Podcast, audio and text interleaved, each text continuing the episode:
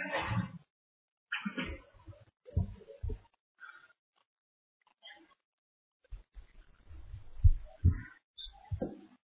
عليكم ورحمة الله وبركاته. الحمد لله رب العالمين والصلاة والسلام على أشرف الأنبياء والمرسلين نبينا محمد وعلى آله وصحبه أجمعين ومن تبعهم بإحسان إلى يوم الدين أما بعد. أيها الإخوة أعزني الله وإياكم جميعا Alhamdulillah segala puji dan syukur hanya milik Allah Subhanahu wa taala. Salam dan salam untuk Nabi kita Muhammad sallallahu alaihi wasallam. Di jadwal tertulis 7.30. Tapi sekarang jam 8 kurang 10. Nah, berarti jamnya jam karet. Besok kita mau jam bersih bukan jam karet. Jam 7.30 ada nggak ada kita mulai. Nah. Baik. Terus kita dari sekarang melatih diri untuk disiplin waktu dan untuk seterusnya. Baik. Uh, Alhamdulillah kita masih diberi kesempatan oleh Allah Subhanahu wa taala untuk melanjutkan pembahasan kita tentang kitab Fadl Ilmi Salaf ala Ilmi Khalaq Pada pembahasan atau yang terakhir yang kita bahas tentang uh, perkara atau di antara ilmu yang dicela oleh para ulama dan merupakan perkara yang beda adalah uh, kaidah-kaidah atau prinsip-prinsip keilmuan dan dasar-dasar keilmuan yang dibuat oleh orang-orang atau fuqaha ahlur ra'yi fuqaha ahlur ra'yi yang menggunakan metode akal dan analogi semata dalam berilmu, dalam membahas masalah perkara-perkara agama, perkara-perkara ilmu, kemudian mereka mengembalikan perkara tersebut kepada kaidah-kaidah yang mereka buat. Nah ini juga merupakan ilmu yang bid'ah yang telah dicela oleh para a'immatul Islam. Sementara metode yang benar adalah seorang kembali kepada dalil dari Al-Quran dan Sunnah, kemudian mengkaji dan membahas, kemudian menyimpulkan kaidah atau fawaid dari hadis atau dari dalil tersebut. Kemudian terakhir juga menjelaskan tentang apa yang dikenal di kalangan para ulama dengan sunnah tarkiyah, di mana suatu perkara amalan yang tidak dikerjakan oleh Rasulullah SAW juga para sahabatnya. Sementara kondisi di zaman mereka atau tuntutan untuk melakukannya itu ada dan tidak ada hambatan dari melaksanakannya, maka meninggalkan perbuatan tersebut adalah sunnah dan mengerjakannya adalah bid'ah. Dan ini banyak contohnya. Ini kaidah yang harus dipahami oleh talibul ilmi dalam menjelaskan kebatilan atau kebatilan perkara-perkara yang dibuat atau yang diada-adakan oleh manusia di zaman sekarang ini yang tidak ada dalilnya atau contohnya dari salafus saleh. Seperti misalnya itu masalah maulid misalnya, maulid nabawi, maulidan atau salat pertengahan nisbu Sya'ban misalnya atau mengkhususkan puasa nisbu Sya'ban Salat alfiyah yang dilakukan oleh orang di pertengahan malam nisfu Sya'ban. Itu kita tidak mendapatkan Rasulullah SAW dan para sahabatnya melakukan hal itu. Sementara tuntutan atau kewajiban kondisi yang menuntut mereka untuk melakukan itu ada. Sebab itulah ibadah untuk mendekatkan diri kepada Allah Subhanahu wa taala, tapi tidak dilakukan oleh Rasulullah dan para sahabatnya. Dan juga tidak ada hambatan. Sebagaimana ibadah yang lain atau sholat-sholat yang lain tidak ada hambatan dari melakukannya. Akan tapi kenapa ditinggalkan oleh Rasulullah dan tidak dilaksanakan oleh para sahabat? Hal ini menjelaskan karena perbuatan tersebut bukanlah ibadah, bukanlah sunnah, tapi adalah bid'ah. Maka Apa dalilnya? Ini di antara dalilnya. Nah itulah juga yang jadikan landasan oleh Imam Ibnu Abdul Is Al-Izzuddin Al Abdul Salam salah seorang ulama Syafi'iyah yang mengkritisi dan membantah yang menjelaskan kebatilan salat al-raghaib yang dilakukan oleh sebagian dalam bulan Rajab yaitu minggu pertama dalam bulan Rajab dikenal dengan salat al-raghaib dan itu merupakan juga salat yang bid'ah itu di antara dalilnya. Nah, Makanya dalam hal ini kita beragama hendaklah meneladani orang-orang yang telah mendahului kita dalam keilmuan, kebaikan dan ketakwaan yaitu para sahabat dan salafus saleh karena mereka lebih berilmu dari kita. Kemudian setelah itu Imam Ibnu Rajab menjelaskan bagaimana uh, sikap para ulama dari amalan atau pendapat atau perkataan Ahlul Madinah. Apakah hujjah apabila ahlu Madinah yang mereka hidup di Madinah Rasul SAW Madinah An-Nabawiyah dan hidup turun temurun apakah amalan mereka lakukan hujjah atau tidak ini dikenal dengan amal ahli Madinah ini dibahasakan antum bahas dalam perkara itu usul fiqh itu dibahas akan tapi secara global para ulama khilaf dalam hal ini makanya Al-Imam Rajab menjelaskan قال فأما ما, ما خالف عمل أهل المدينة من الحديث فهذا كان مالك يرى الأخذ بأهل المدينة بعمل أهل المدينة والأكثرون أخذوا بالحديث Adapun apa yang menyelisihi atau hadis yang menyelisihi amalan ahli Madinah penduduk Madinah maka Imam Malik berpendapat itu mesti mengambil atau berpegang dengan pendapat ahli Madinah. Sementara mayoritas ulama itu berpegang pada hadis. Akan tapi jelaskan para ulama apa yang disampaikan oleh Al-Imam Rajab ini ini tidak mutlak. Seperti itu. Nah, oleh karenanya seperti Imam Asy-Syukani menjelaskan dalam kitab kitab Irsyadul Fuhul tentang masalah amal ahli Madinah, itu ada rinciannya. Jika seandainya ahli Madinah ijma' mereka, amalan mereka dan ijma' mereka, kesepakatan mereka dalam suatu amalan atau perbuatan atau perkara agama ini itu terbagi dua. Ada yang dikenal dengan nakli, itu penukilan. Ada dengan istidlali, pendalilan. Adapun an-nakli itu juga ada terbagi tiga. Yang pertama mereka menukil ya dari Rasulullah SAW tentang ya suatu syariat atau amalan yang langsung dinukil oleh mereka dari Rasulullah SAW baik dalam bentuk perkataan, perbuatan atau ikrar penetapan mereka langsung menukil. Nah, seperti ukuran takaran timbangan isa al-mud ya atau menunjukkan bagaimana cara adan dan juga iqamah dan waktu-waktu yang itu mereka menukil, mereka melihat dan menyaksikan Rasulullah melakukan kemudian menukil hal itu. Ini yang pertama. Begitu juga dalam masalah ya zakat ya. Zakat uh, sayur-sayuran.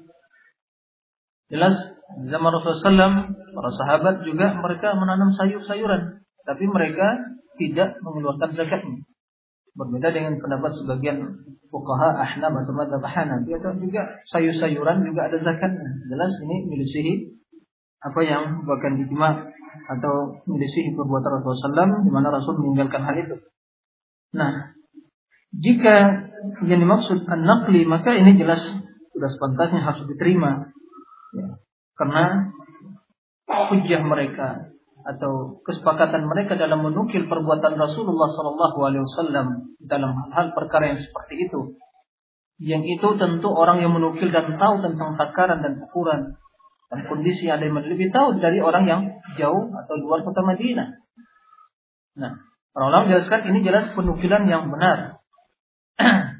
Adapun, nah itu jelas tidak ada beda para ulama dalam hal itu. Itu yang harus didahulukan. Itu yang harus diterima dan dikedepankan dari kias atau analogi. Baik. Adapun Yang kedua, adapun ijma mereka tentang sesuatu yang sumber ijma itu istidlal, pendalilan dan dalil. Mereka melihat dalil kemudian ijma. Jadi bukan sorry, bukan penukilan, tapi mereka beristimbat, berdalil, kemudian uh, menghasilkan suatu kesepakatan bahwasanya begini hukumnya. Nah itu khilaf para ulama. Khilaf para ulama.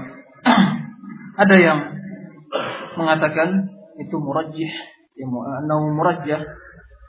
Ada yang mengatakan anu hujjah, ya. Hujjah yang diterima tidak boleh menyelisihinya. Khilaf para ulama. Oleh karenanya apa yang dikatakan oleh Al-Imam Ibnu Rajab itu bukan secara mutlak.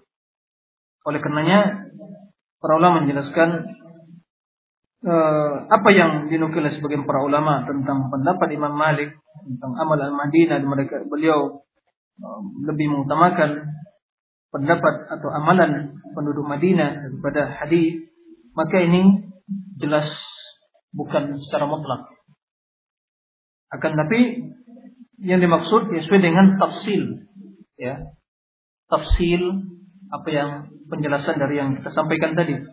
Nah, ini yang dimaksud yang dipahami. Tentunya ini uh, Al-Imam Malik rahimahullah adalah salah seorang ulama yang sangat loyal pada sunnah, yang memintakan umat untuk mengikuti sunnah.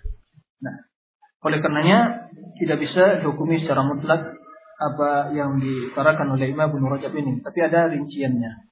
Itu yang oleh karenanya sudah sepantasnya atau semestinya bagi penuntut ilmu atau untuk kembali pada dalil dan sunnah yang sahih dan tidak menyelisihinya sekalipun terdapat pendapat yang bertentangan dengan hadis tersebut.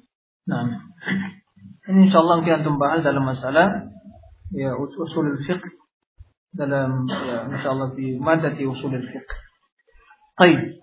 Kemudian Beliau melanjutkan di antara ilmu yang muhdath, yang bid'ah, yang diingkari oleh para ulama aimatus salaf. Qal wa mimma ankarahu aimatus salaf الجدال والخصام والمراء في مسائل الحلال والحرام أيضا ولم يكن ذلك طريقة أئمة الإسلام إنما وإنما أحدث ذلك بعدهم كما أحدثه فقهاء فقهاء العراقيين في مسائل الخلاف بين الشافعية والحنفية. وصنفوا كتب الخلاف ووسعوا البحث والجدال فيها وكل ذلك محدث لا أصل له. وصار ذلك وصار ذلك علمهم حتى شغلهم عن العلم النافع. Di antara perkara yang diingkari oleh Aimat Salaf itu al-jidal, perdebatan, al-khisam, Sama artinya mira perdebatan, mira wal khisam perdebatan dalam masalah memperdebatkan permasalahan-permasalahan halal dan haram. Ayo. Al halal sebagaimana dalam hadis uh, menjelaskan oleh Rasulullah SAW Nu'man bin Bashir Qal inna al-halal bayyin wa inna al-haram bayyin. Jelas halal haram jelas hukumnya. Tidak perlu diperdebatkan. Al-halal bayyin wal haram bayyin jelas seluruhnya jelas. Di antara kedua ada mustabihat, eh, mustabihat atau musyabbahat. Ini tidak diketahui oleh orang-orang yang berilmu dan dalam keilmuannya. Tapi jelas al-halal telah jelas, al-haram jelas. Nah, tidak boleh hal-hal ini permasalahan halal dan haram diperdebatkan. Nah, itu bukan metode, bukanlah jalan atau cara atau manhaj ayamatul Islam. Wa inna ma uhditsa dzalik akan tapi itu baru muncul setelah mereka. Jadi tidak pernah di kalangan para ulama salaf, sahabat dan tabi'in, tabi'in, Imam Syafi'i dan yang seangkatan dengan beliau, ulama itu memperdebatkan permasalahan halal dan haram. Yang telah jelas permasalahannya. Nah, sebab agama bukan untuk diperdebatkan. Agama bukan untuk diperdebatkan. Agama untuk diikuti dan diamalkan. Akan tapi jika permasalahan-permasalahan atau suatu dalil yang mengandung multi penafsiran dan makna itu dijelaskan sesuai dengan kaidah-kaidah keilmuan, keilmuan, keilmuan tadi. Nah, adapun yang muncul setelah zaman sahabat tabi'in, mereka suka memperdebatkan permasalahan-permasalahan halal dan haram, terkhusus bila hal itu terjadi antara pengikut ya para madhab pengikut madhab yang uh, muncul di belakangan hari kemudian memperdebatkan permasalahan antara pengikut Syafi'iyah dengan Ahnaf misalnya terjadi saling fanatik ya terhadap kedua madhab tersebut atau pengikut madhab yang lainnya. Yang tidak khusus pada pengikut kedua madhab tersebut tapi juga mencakup yang lain yang mengikuti metode yang seperti itu. Sama tidak diperbolehkan. Akan tapi perlu diketahui bahwasanya memang di awal-awal munculnya sikap fanatisme atau itu terjadi betul permusuhan dan kebencian antar kedua pengikut madhab ini Syafi'iyah dan Ahnaf itu terlihat bagaimana bahaya fanatisme tadi. Nah, sebagaimana yang dibuat-buat oleh fuqaha Iraqiyin dalam permasalahan-permasalahan khilafiyah antara pengikut madhab Syafi'i dan Hanafi di Irak. Di Irak adalah uh, itu berkembang madhab ahlul ra'i pengikut Imam Abi Hanifah ahlul ra'i. Dan juga uh, berkembang juga pengikut al-Imam Syafi'i. Sebab Imam Syafi'i kala datang dari Madinah ke dengan membawa fikul hadis dan datang ke Al-Ku atau Baghdad dan di sana berkembang terjadilah perdebatan ilmi yang sehat antara Imam Syafi'i dengan Muhammad bin Hasan dan yang lainnya tentang masalah-masalah ilmiah. Tapi setelah itu permasalahan itu semakin meluas, ya sehingga terjadi perdebatan yang sangat uh, tajam tentang permasalahan-permasalahan ilmiah yang mereka perdebatkan. Bahkan mereka menulis kitab-kitab yang memuat atau membahas tentang masalah masail al-khilafiyah seperti itu. Nah ini jelas Kata para ulama, permasalahan yang bid'ah. Ilmu bukan untuk diperdebatkan. Nah, wasannafu mereka menulis bahkan menulis dalam wasannafu kutub al-khila wa sa'ul bahth. Mereka menulis kita-kita yang membahas masalah masalah-masalah khilafiyah kemudian memperluas pembahasan dan perdebatan dalam hal itu. Wa kullu dhalik seluruh perkara itu merupakan perkara yang muhdats yang baru la aslah tidak ada landasannya, tidak ada dasarnya. Wa sara dzalika ilmuhum sehingga hal itulah yang menjadi keilmuan mereka. Itulah yang mereka menganggap berilmu. Seperti zaman sekarang ini orang yang paling berdebat, pandai berdebat, memperdebatkan masalah. Kadang diajak untuk berdebat, berjidal, bermunadharah. Sehingga itulah yang ilmu. Jadi zaman ini banyak pandai berdebat, pandai jidal. Itulah ilmu kata mereka. Sehingga menyibukkan mereka dari menuntut ilmu yang bermanfaat. Ini jelas perkara yang bid'ah. Jadi ilmu agama bukan untuk diperdebatkan. Bukan angkara dari salaf. Jadi itu telah diingkari oleh uh, salaf. Bahkan dalam hadis, terdapat dalam hadis yang marfu'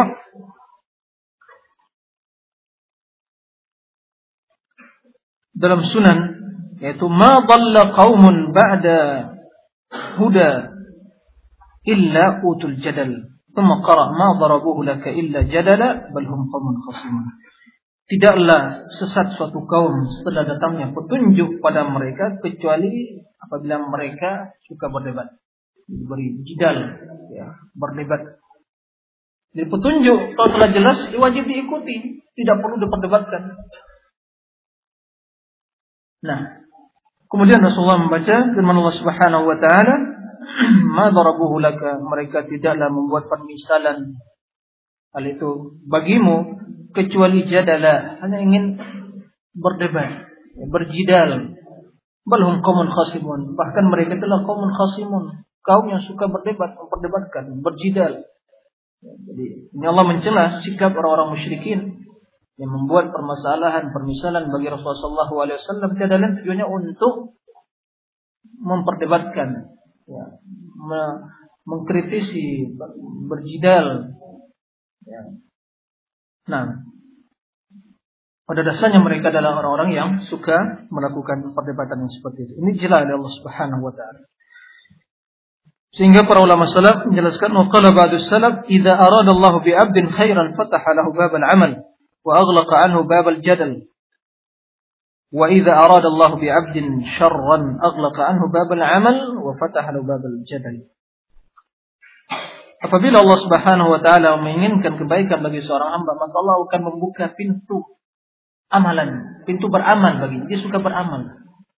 Karena ilmu dipelajari untuk diamalkan, bukan diperdebatkan. Akan tapi dan menutup menutup baginya pintu perdebatan dijauhkan oleh Allah dari hal-hal yang seperti itu. Dan apabila Allah menginginkan kejahatan bagi seorang hamba akan dibuka pintu berdebat. Dia banyak bicara saja. Omongnya banyak, bicaranya banyak, jidal, debat. Dan amalannya tidak ada. Maka Allah tutup pintu amalan baginya. Ini naudzubillah min dzalik merupakan pertanda kesengsaraan. Ya. Oleh karena itu, sebagaimana yang jelaskan tadi, bahwa merupakan prinsip sunnah, prinsip ahli sunnah wal jamaah bahwasanya mereka ittiba mengikuti kebenaran, bukan untuk memperdebatkan, meninggalkan perdebatan, permusuhan, jidal dalam beragama itu merupakan prinsip ahli sunnah wal jamaah. Oleh karenanya Imam Ahmad rahimahullah taala dalam kitabnya Usulus Sunnah, Syarhus Sunnah, Usulus Sunnah menjelaskan qal Usulus Sunnati indana at-tamassu bima kana alaihi أصحاب رسول الله صلى الله عليه وسلم والاقتداء بهم والترك وترك البدع وكل بدعة ضلالة وترك الخصومات والجلوس مع أهل الأهواء وترك المراء والجدال والخصومات في الدين ini Imam, Imam Ahmad menjelaskan pada kita prinsip dasar ahli sunnah wal jamaah jadi landasan sunnah prinsip-prinsip dasar sunnah menurut kami yaitu ahli sunnah wal jamaah berpegang teguh dengan apa yang diikuti oleh para sahabat Rasulullah dan meneladani mereka dan meninggalkan seluruh perkara yang bid'ah karena seluruh bid'ah itulah sesat kata beliau. Dan meninggalkan khusumat perdebatan khusum kemudian wal julus ma ahli lawa dan duduk ya, bermajlis dengan ahli ahwa. Ya, duduk mesra bersama mereka. Kemudian watarkil mira dan meninggalkan mira yaitu perdebatan wal jidal jidal wal khusumat juga permusuhan perdebatan fiddin ini prinsip beragama al-sunnah. Nah وقال مالك ما أدركت أهل هذه البلدة وإنهم لا يكرهون هذا الإكثار الذي فيه الناس اليوم يريد المسائل وكان يعيب يعيب كثرة الكلام والفتيا ويقول يتكلم أحدهم كأنه جمل مغتلم. يقول هو كذا هو كذا يهدر في كلامه.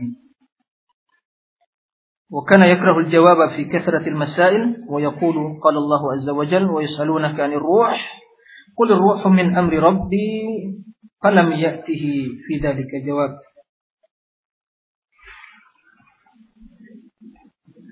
Dan Imam Malik berkata, saya telah menjumpai atau menemui menemukan atau salah telah berjumpa menemukan ya ahli hadil balda penduduk negeri ini yaitu Madinah. Maksud beliau sebab beliau Imam Darul Hijrah.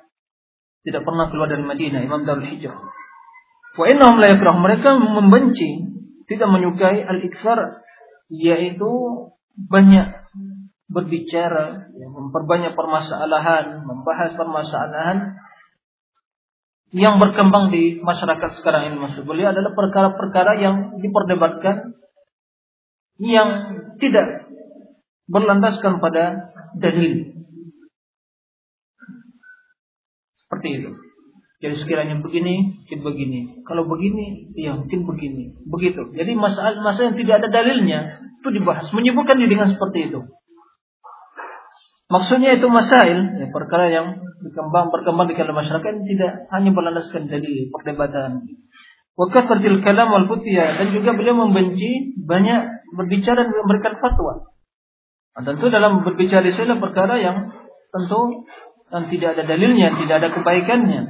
Menyibukkan diri dengan berbicara tapi tidak ada amalannya. Juga memberikan banyak fatwa. Zaman sekarang ini orang yang sangat banyak berani untuk berfatwa sampaikan padanya perkara-perkara yang sangat yang kau dahulunya.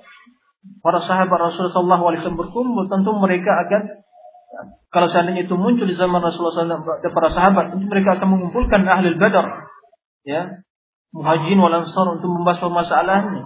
Tapi di zaman sekarang ini mereka sangat berani menjawab langsung. Seketika secara spontanitas langsung jawabannya begini begini nah ini kan merupakan keberanian yang uh, dilatar belakangi oleh kebodohan seseorang tadi. Nah, oleh karenanya Wa ahaduhum sebagian mereka berkata, "Ka'annahu jamalun muqtalim." Jamal yaitu onta yang sangat berambisi yang punya yang sangat apa namanya itu muqtalim, yang punya nafsu tinggi untuk makan. Muqtalim yang bersyahwat. Ya, jamal.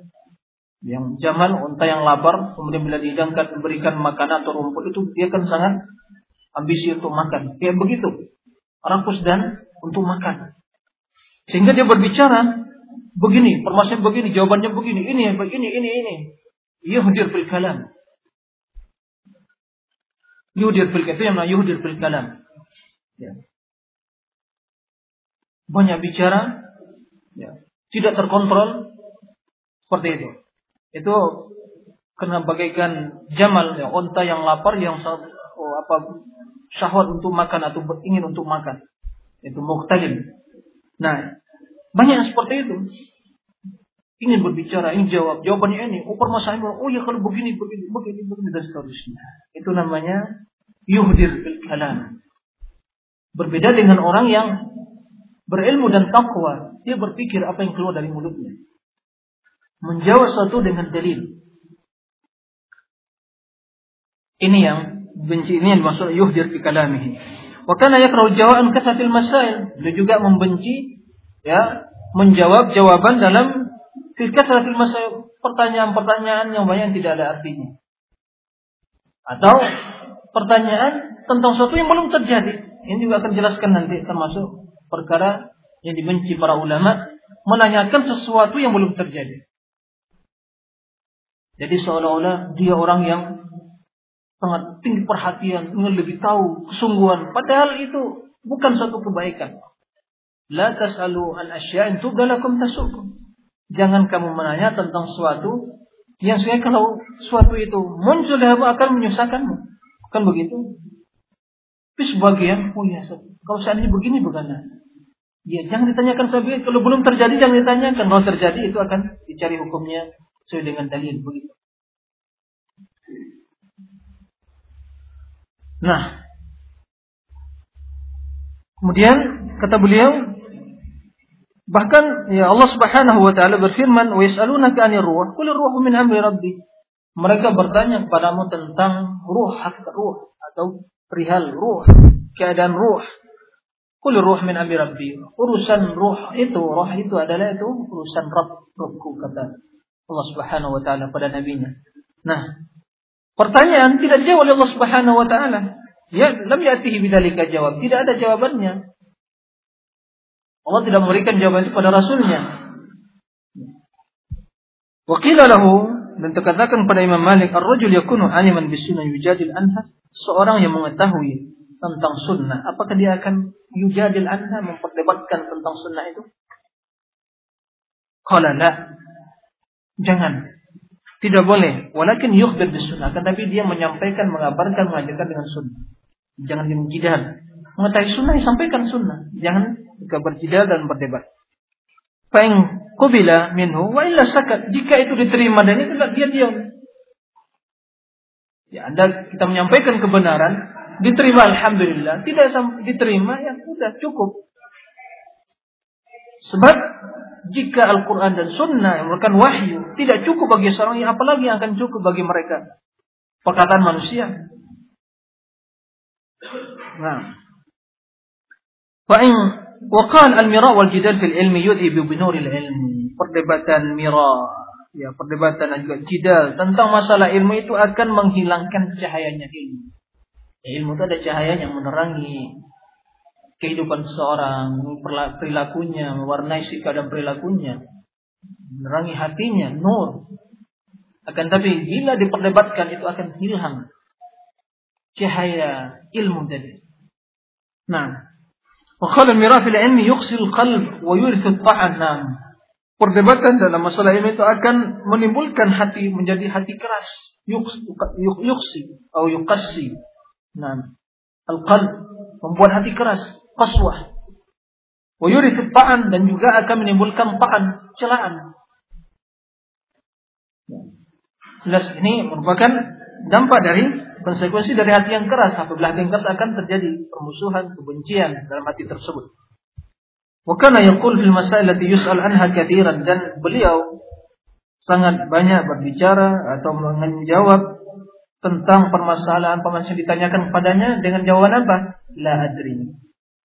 Saya tidak tahu. Itu Imam Malik, Imam Malik rahimahullah. Rahimahullah Imam Malik. Ditanya bahkan dalam sebagian seorang datang dari daerah Kufah atau daerah Baghdad datang ke Madinah membawa 40 pertanyaan untuk dibawa pulang ke masyarakat atau pada masyarakat yang mengutusnya untuk datang kepada Imam Malik. Beliau hanya menjawab empat permasalahan. Seorang bertanya, gimana imam? Saya datangi utusan dari masyarakat yang membutuhkan jawaban terhadap permasalahan tersebut. Katakan pada mereka Imam Malik tidak tahu. Kalau kita bagaimana zaman sekarang ini? Ditanya, sangat malu kita kalau mengatakan saya tidak tahu.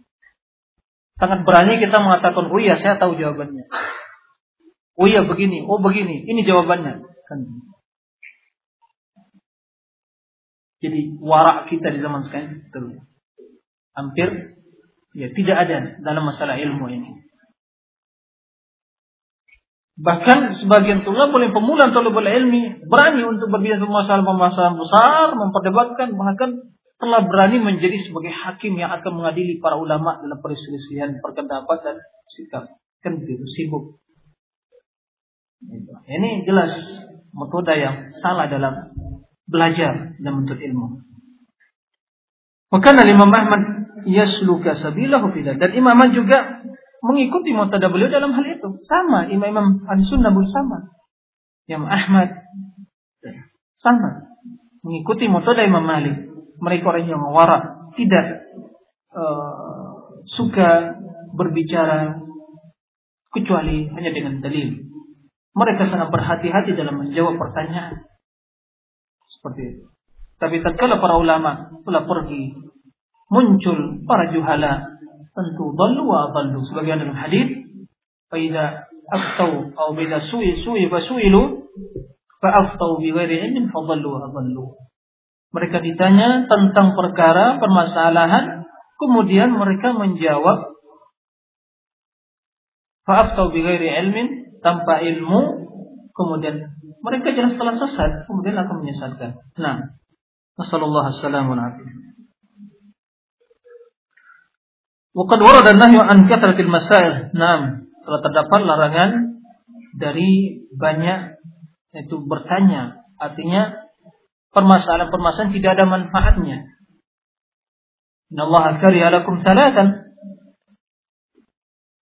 Di antara al-isyraku billah wa wa idha'at al-mal wa kathrat as-su'al. Ya, kathrat as-su'al. Tentu para ulama menjelaskan pertanyaan yang tidak ada manfaatnya dan akan menimbulkan kesusahan bagi diri dan orang lain. Itu merupakan orang yang besar dosanya ada seorang yang bertanya dan menimbulkan kesusahan untuk dirinya dan orang lain. Allah melarang kita dari hal seperti itu. La tas'alu an tasu. Jangan menanyakan tentang sesuatu yang apabila suatu itu muncul bagimu itu akan menyusahkanmu dan orang lain. Nah, oleh karenanya jika bertanya, bertanya yang baik, bertanya tentang ilmu. Sebab ini juga antara sarana untuk mendapatkan ilmu. Kata soal di lisanin saul wa qalbin aqul. Nah, kata Ibnu Abbas bagaimana? Ditanya tentang bagaimana Wahai Ibnu Abbas kamu mendapatkan ilmu ini. Qalbi lisanin sa'ud wa qalbin aqul. Lisan yang bertanya dan juga apa? Hati yang memahami. Akal yang memahami. Sebab obat kebodohan itu adalah as-su'al. Seperti itu. Tapi tentu bertanya tentang permasalahan-permasalahan yang yang bermanfaat permasalahan yang bermanfaat, bukan permasalahan yang mendatangkan uh, kesusahan bagi diri seorang atau orang lain. Wa an ughlutatil masail dan juga permasalahan ughlutatil masail. Ini terdapat riwayat yang dhaif tentunya dari Rasulullah SAW Sebagian akan Imam Tabarani di Al-Kabir itu An Sufyan قال نهى الرسول صلى الله عليه وسلم al masail المسائل ughlutat al الاغلطات Hadis ini ضعيف tidak sahih. Kendati jelas ini termasuk pada larangan karena perkara-perkara ughlutat itu jelaskan oleh Ibnu Athir maksud ughlutat ia ya, kata beliau ia syirarul masail. Itu perkara-perkara yang jelek yang tidak ada artinya. Yang masalah lati yughalitu fiha ulama liyazillu fiha. Yaitu perkara-perkara yang dibahas oleh para ulama agar dia tergelincir kakinya atau pemahamannya dalam hal permasalahan seperti itu sehingga menimbulkan fitnah dan kerusakan. Ini membahas perkara-perkara yang tidak ada manfaatnya, kemudian dia juga tergelincir dalam perkara tersebut sehingga menimbulkan fitnah dan kerusakan bagi orang yang mengikuti. Ini ughlutat.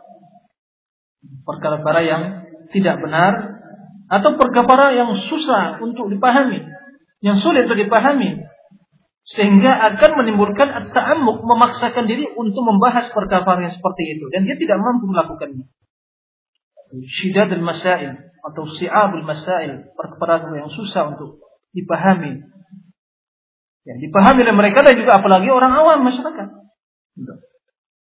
Itu di antara karena kata Imam Ibnu Athir inna ma nahan dzalik li'annaha ghairu nafi'ah fid din takadu illa la takadu illa lam la takadu takunu illa fi ma la yaqa. Karena itu tidak ada manfaat dalam agama dan itu pada dasarnya tidak keluar dari perkara yang belum terjadi. Itu termasuk di antara perkara yang ghulutat.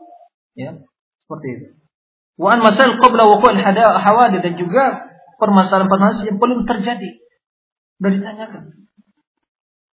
Ini dibenci para ulama. Oleh karenanya para ulama mendidik para tulabul ilmi dan para imam, para murid-murid mereka itu untuk bertanya tentang hal-hal yang bermakna dan juga perkara yang paling ada dalam kehidupan mereka ditanyakan. Adapun perkara yang belum terjadi itu kata para ulama itu dibenci. Mereka tidak menyenangi dan itu termasuk Oh, cara bertanya yang tidak dibenarkan. Akan tapi bila terjadi para ulama mencari dalil. Bila terjadi hal itu, itu para ulama mencari dalil dari Al-Quran dan Sunnah sesuai dengan kaidah-kaidah ilmiah tadi. Dan ditentukan hukumnya. Nah, baik. Wa ma'a hadha wa fi dzalika yatulu Ini untuk luas pembahasan tentang masalah seperti ini, ya di kalangan para ulama tentang uh, contoh-contoh uh, hal seperti itu perkataan para ulama yang mencela cara atau metode menuntut ilmu dengan cara-cara yang seperti itu. Wa ma'a hadza fa fi kalam salaf wal a'imma kamalik wa Syafi'i wa Ahmad wa Ishaq التنبيه على مأخذ الفقه ومدارك الأحكام بكلام وجيز مختصر يفهم به المقصود من غير إطالة ولا إسهاب kata beliau Ya. Bersetan dengan larangan tersebut, sementara dalam perkataan ulama salaf seperti para imam dan imam-imam ulama salaf, ya, seperti Malik, Syafi'i, Imam Ahmad dan Ashab, itu telah terdapat tanbih, itu peringatan atau isyarah. Ya.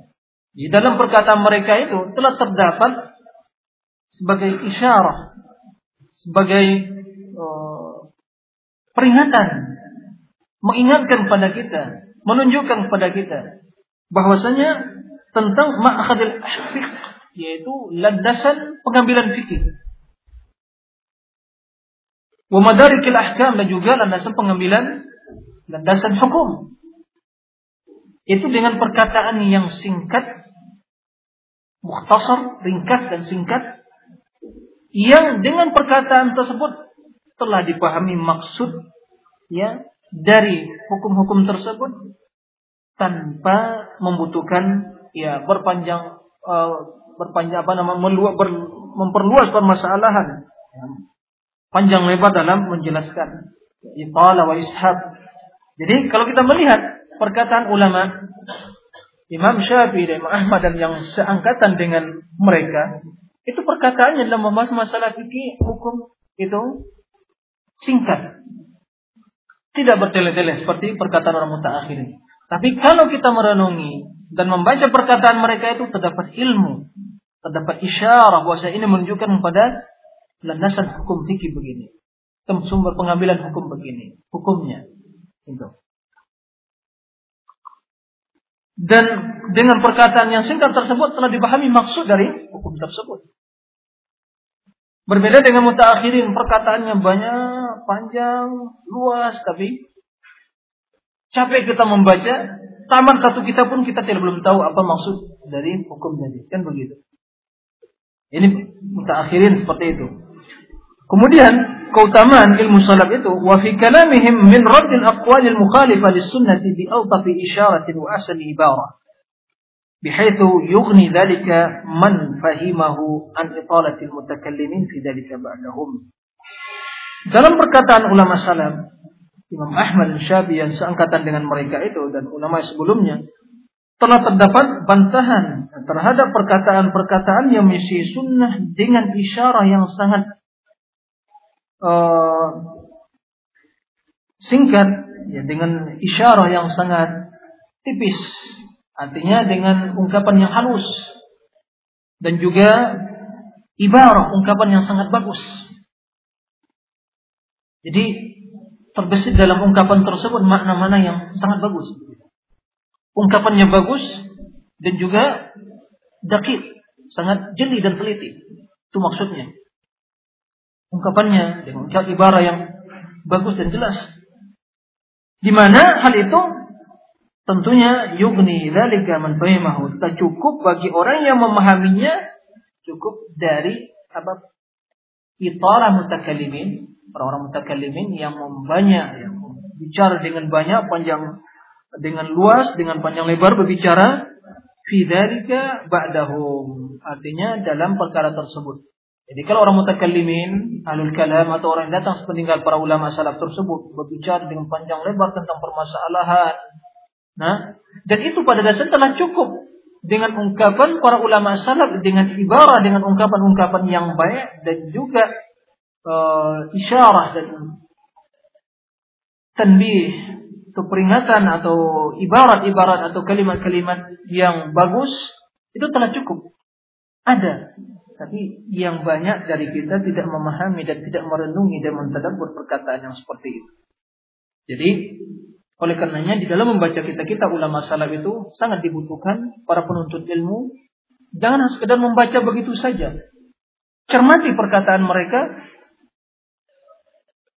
Pahami dengan baik dan cermati apa yang dimaksud. Dan kita akan bisa mendapatkan fawaid, faedah dan keilmuan yang banyak dalam keilmuan atau dalam perkataan yang seperti itu. Nah, kemudian kata beliau juga, bal rubbama yatadammanu tatwil al-kalam man ba'dahu min as-shawab fi dalika ma tadammanahu kalam salaf wal a'immah ma ikhtisari. Bahkan terkadang ya panjangnya atau luasnya perkataan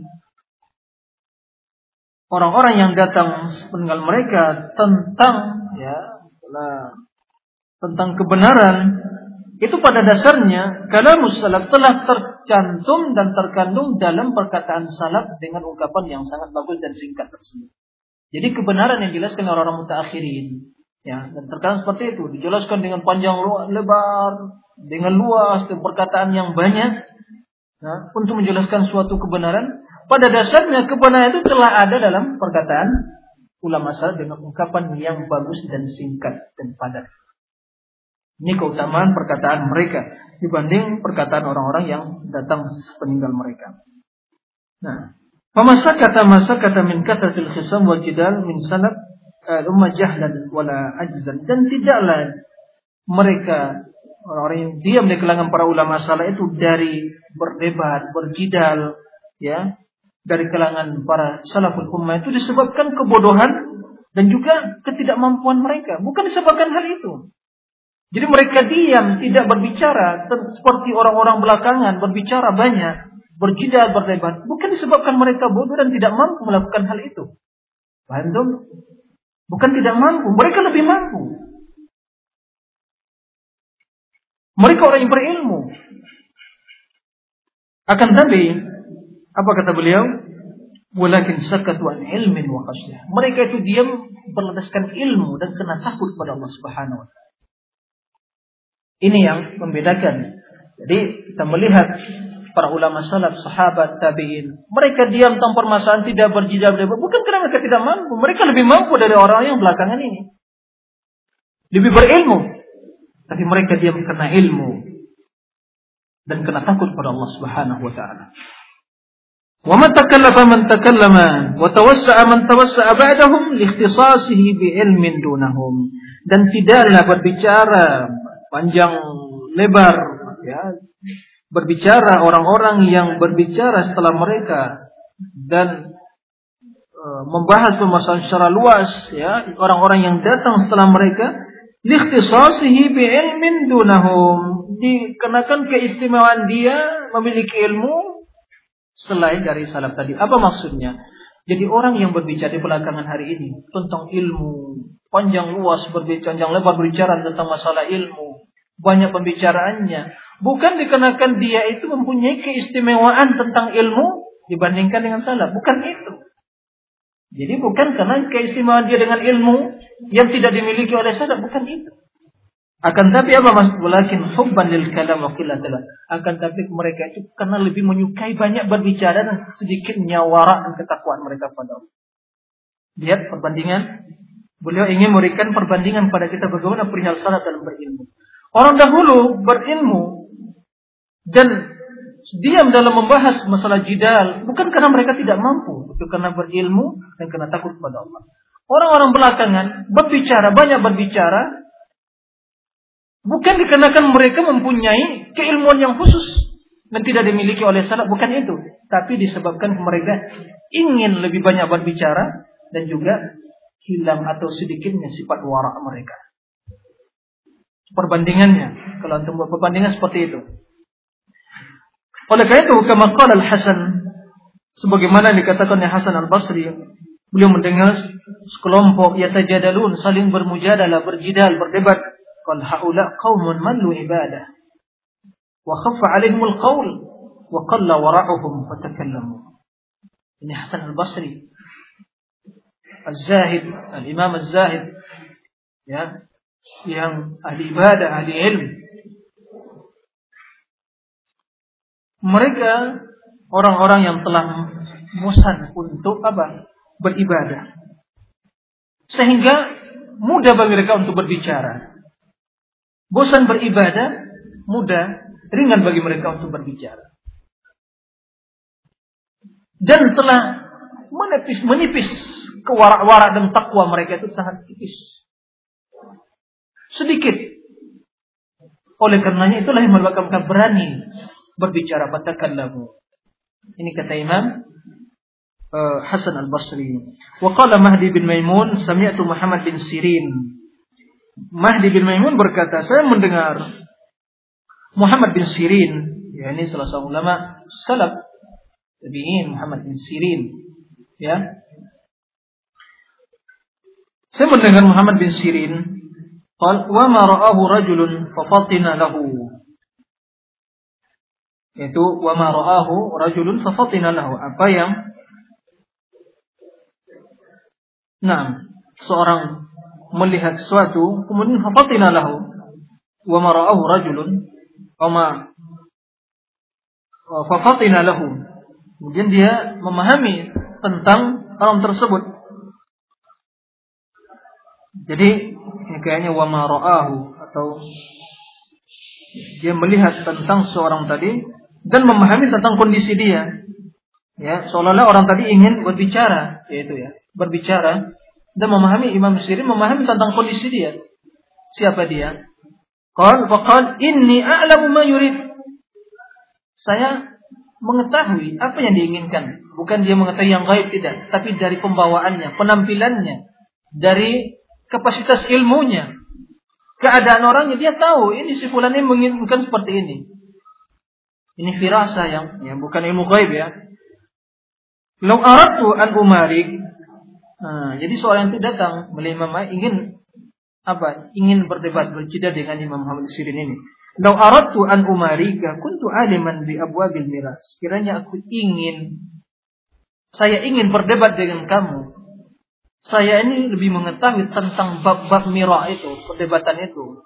cara-cara metode itu saya lebih tahu. Seperti itu. Wa fi riwayatin qal ana a'lamu bil mira' minka walakinni la umari. Saya lebih pintar, lebih tahu dari kamu cara berdebat berjidal, tapi saya tidak mau berdebat dengan kamu. Ini Imam Muhammad bin Sirin mengatakan, jadi bukan karena mereka bodoh tidak. Mereka orang yang berilmu karena takwa kepada Allah Subhanahu wa taala. Itu yang menyebabkan mereka tidak mau. Karena ilmu mengajarkan mereka agar tidak memperdebatkan agama ini. Karena keilmuan tadi. Jadi bukan untuk diperdebatkan. Oleh karena itu, salah seorang datang pada Hasan al-Basri. Urin ujadilah fi Kata Hasan al-Basri, "In kunta qal ana qad alimtu wa ayqantu aw alimtu dini Wa in kunta syahadkan fi dinika fabhath an dinik. Kata Imam Hasan Basri, saya telah tahu, telah mengerti, telah yakin tentang agama yang saya yakini. Kalau anda masih ragu belum menemukan agamamu, ya silakan cari agamamu, tidak perlu berdebat. Cari agamamu sendiri. Saya telah tahu, tidak perlu diperdebatkan. Begitu maksudnya. Jadi kita yakin ini agama al Kalau ada yang masih ingin memperdebatkan tentang din ini, silakan dia mencari agama yang mungkin dia belum mendapatkannya atau masih ragu tentang keilmuan atau agama yang ia yakini. Jadi itu kata. Oleh karena itu kata qat. Saya tidak pernah berdebat sama sekali Berjidal, mukhasama dalam agama ini. Imam Ibrahim An-Nakhai ya. وقال عبد الكريم الجزري ما خاصم ورع ورع ya.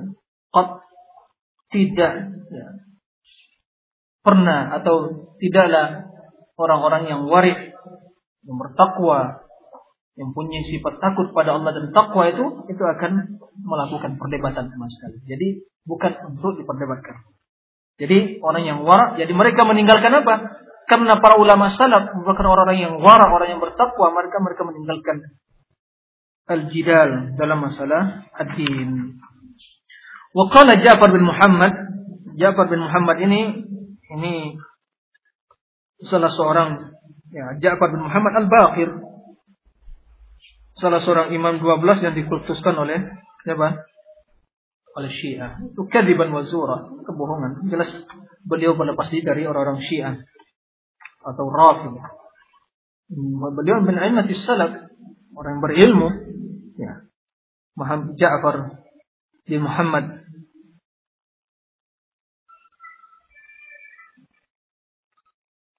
Nah, qal iyyakum wal khusumat fid din fa innaha tusghilul qalb wa turithun nifaq. Tinggalkan oleh kamu perdebatan dalam agama. Sesungguhnya itu menyibukkan hati dan juga menanamkan sifat kemunafikan. Turis akan menimbulkan sifat kemunafikan. Bahkan Umar bin Abdul Aziz yaqul idza sami'tal mira' fa aqsir. Apabila kamu mendengar perdebatan dalam agama, stop. Aqsir, cukup Jangan diteruskan. Jangan ikut dalam hal seperti itu. Nah. Man ja'ala dinahu aradan lil khusuman aktsara tanaqqul. Barang siapa yang menjadikan agamanya sebagai alat untuk diperdebatkan, maka dia akan banyak berpindah-pindah, yaitu bunglon. Agamanya agama bunglonnya. Betul ya? Dia akan warna-warni agamanya. Ini tanakul. Kenapa?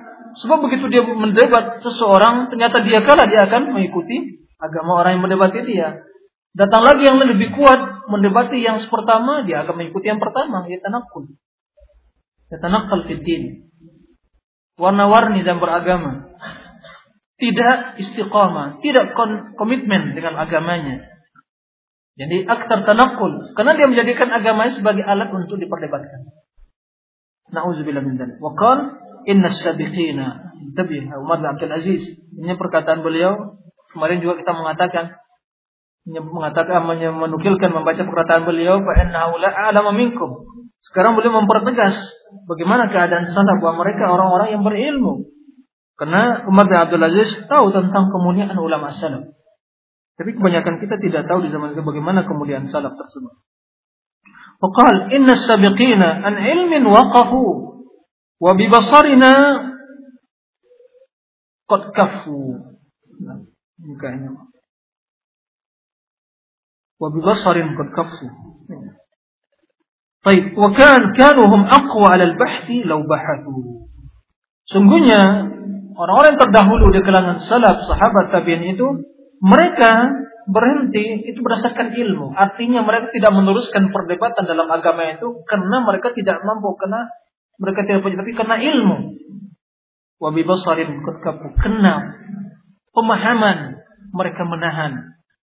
Artinya mereka menahan diri dari berbicara, memperdebatkan agama dikarenakan apa? Karena keilmuan mereka. Nah, wakanuhum aqwa dan mereka tuh lebih mampu untuk melakukan penelitian, bah, riset. Lau jika mereka melakukan penelitian itu. Jadi mereka kalau membahas, karena mereka mempunyai keahlian, mempunyai ilmu, mempunyai ilmu alat, dan mereka mengetahui maqasid syariah, maksud dari syariat. Dan mereka lebih mampu mengetahui kaidah-kaidah syariah. Mereka lebih mampu. Tapi mereka diam, menahan diri, dikarenakan mereka karena orang yang warak, karena ilmu, karena keilmuan dan ketakwaan mereka. Dan perkataan salat adalah sangat banyak sekali. Wa kalamus salaf fi hadzal ma'na katsirun jiddan. Kemudian Imam Ibnu Rajab ingin menjelaskan apa yang berkembang di sebagian pemikiran orang mutaakhirin mungkin terbesit dalam benaknya. Ya kalau orang banyak bicara itulah yang berilmu kan begitu kita milih sebagian. Kalau pandai berbicara atau orator banyak bisa membuat orang tertawa, ujian tertawa, pendengar senang kan begitu. Bahkan ya dikali dengan dai sejuta umat kan begitu. Dai kondang dan seterusnya kembali berbicara singa video, video dan seterusnya. Hah? Itulah ulama. Padahal sebagian mungkin sebelum dia apa itu mungkin dua jam tiga dihafal dulu, dilatih dulu bagaimana kan begitu. Takalluf memaksakan. Dan ada konseptornya kan begitu, bukan dia ada konseptornya nanti baru dia menyampaikan kan begitu. Kan ada seperti itu. Nah, dikonsep dulu oleh orang-orang yang apa bagus bisa menulis, kemudian ada ada yang menyampaikan karena dia mempunyai keahlian dalam menyampaikan seperti itu. Nah orang terpikau, loh inilah ulama, inilah kiai, inilah habib, inilah seterusnya. Hah? Hati-hati. Oleh karenanya, ini Imam Ibn ingin menjelaskan pada kita. Ini di zaman beliau, apalagi di zaman kita sekarang ini. Masyarakat ya alim itu yang banyak berbicara. Yang alim itu yang sering tampil di televisi, pandai berbicara, bersilat dan seterusnya. Nah, itu yang alim kata mereka. Nah, lihat bagaimana kata Imam, waqad futina katsirun minal mutaakhirin bihadzal. Telah terfitnah. Ya banyak mayoritas orang-orang mutaakhirin dengan ini. Dengan apa? Perdebatan, dengan banyak berbicara. Mereka mengira kalau pandai berdebat, pandai berdialog, pandai berdiskusi, pandai bermunazarah dan banyak perkataan itulah orang yang hebat, yang adil. Hah? فظنوا أن من كثر كلامه وجداله وخصامه في مسائل الدين فهو أعلم ممن ليس كذلك وهذا جهل محض kata beliau sehingga mereka mengira menduga bahwasanya orang yang banyak perkataannya yang debatnya hisamnya dalam permasalahan agama mereka lah orang yang paling berilmu yang lebih berilmu dari orang yang bukan seperti itu ya Kemudian ini kata Imam Ibnu Rajab adalah apa? Jahlul mahal. Inilah malaikatnya kebodohan. Ada yang mengira seperti itulah jahlul mahal. Kebodohan semata. Ya, mahal itu ya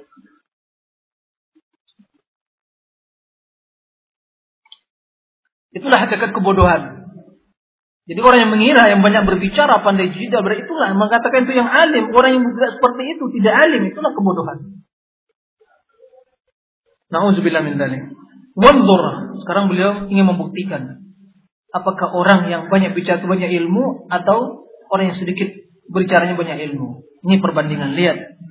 Wanzur, perhatikanlah ila akabir sahabat wa ulama. Pada para sahabat-sahabat yang senior dan para ulama-ulama, para mufti di kalangan para sahabat yang senior, akabir, ya.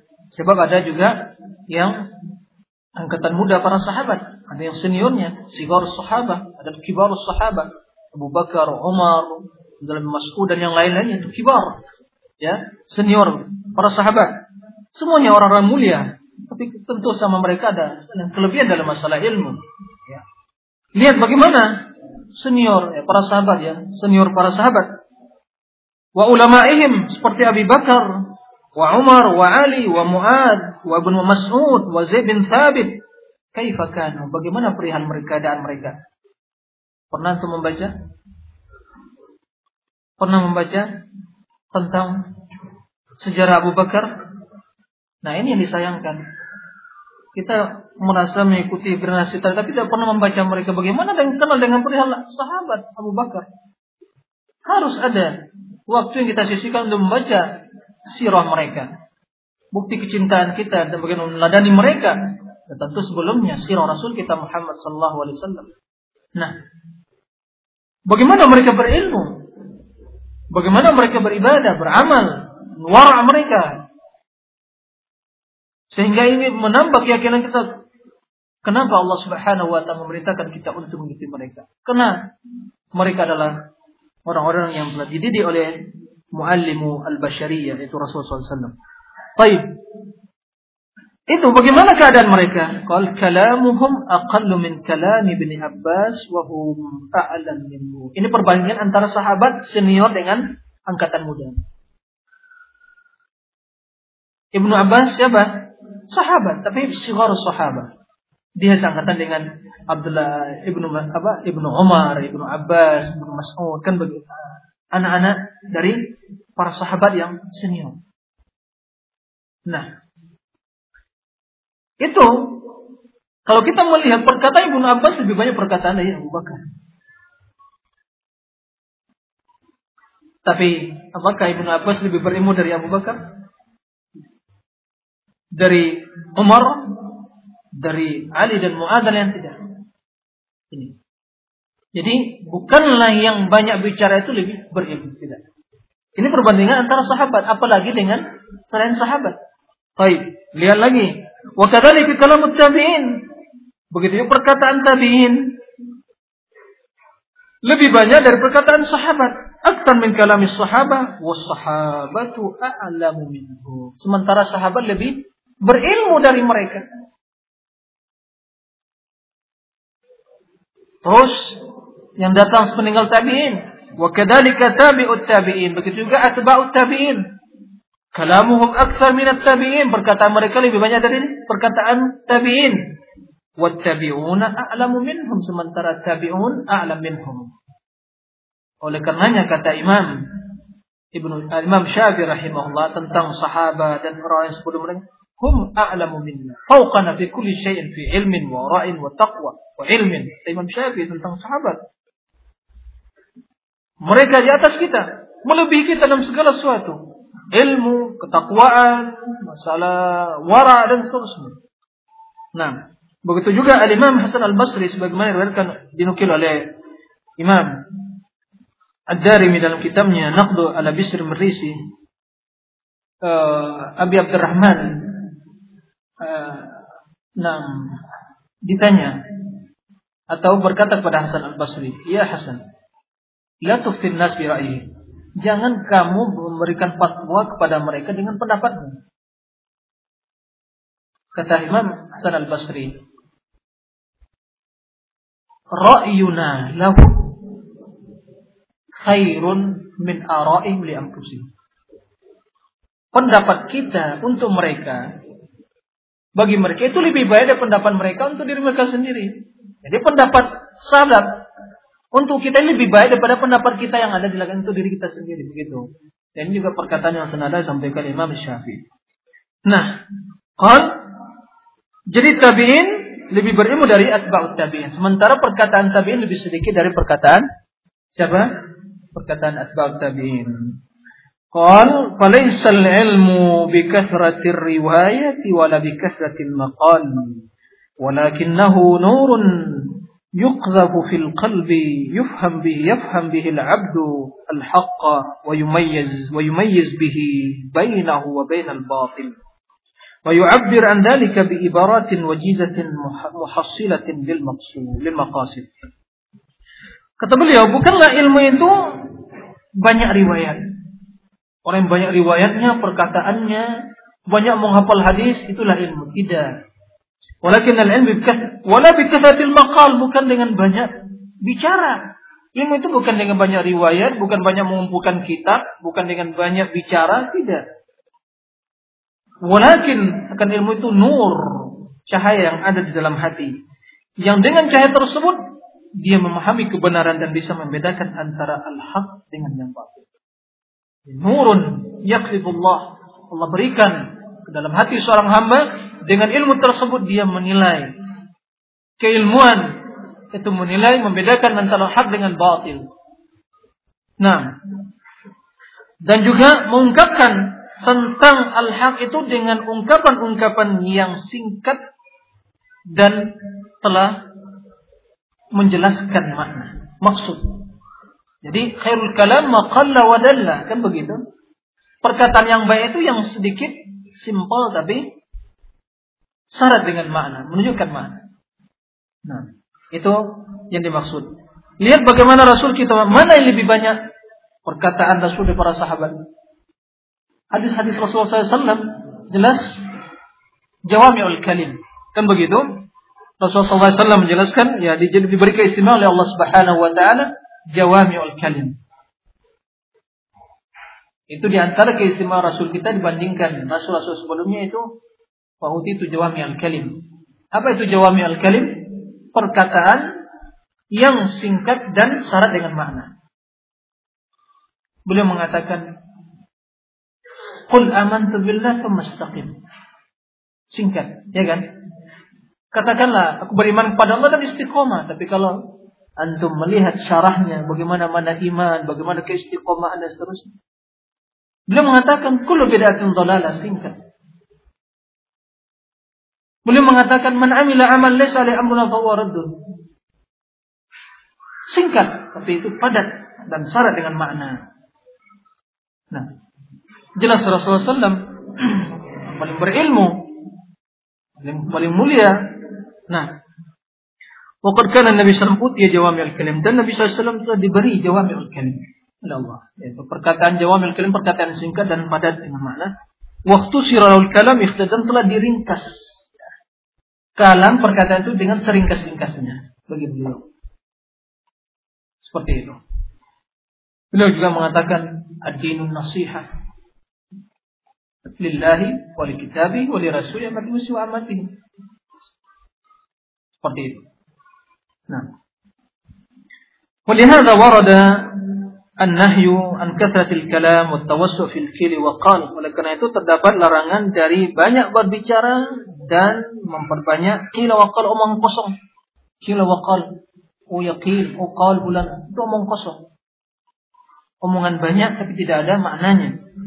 Itu jelas dalam hadis. Di mana ya Rasulullah SAW menjelaskan Inna Allah Azza wa Jalla harrama alaikum حقوق الأمهات ووعد البنات ومنعا وحات وكثرة وكره لكم ثلاثا قيل وقال وكثرة السؤال وإضاعة المال نعم طيب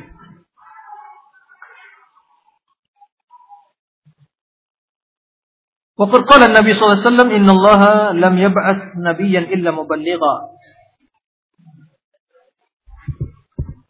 Dan Rasulullah SAW telah bersabda, sungguhnya Allah tidaklah mengutus nabinya kecuali mubalik sebagai mubalik. Penyambung lidah, penyambung lisan, ya, mubalik. Oleh karena itu Allah Subhanahu wa taala mintakan nabinya balik ma unzila ilaik wa ma rasuli illa al-balaghul mubin. Nah, sebagai mubalik menyampaikan apa yang turunkan kepadanya Wa inna tashqiqal kalam minasyaitan. Tashqiqal kalam minasyaitan. Sesungguhnya usaha untuk memperindah perkataan, berusaha ya ta'ammuk. Dia orangnya tidak ahli tetapi berusaha untuk menghias bahasanya, untuk berbagai bahasanya. Berusaha memaksakan diri seperti itu. Hah? Ini minasyaitan. Ala kulli hal hadis ini jelas ya ini mursal hadisnya apa namanya itu hadis ini diriwayatkan oleh Abdul Razak bin Musannaf hadis mursal ala kulli hal sekalipun demikian tapi jelas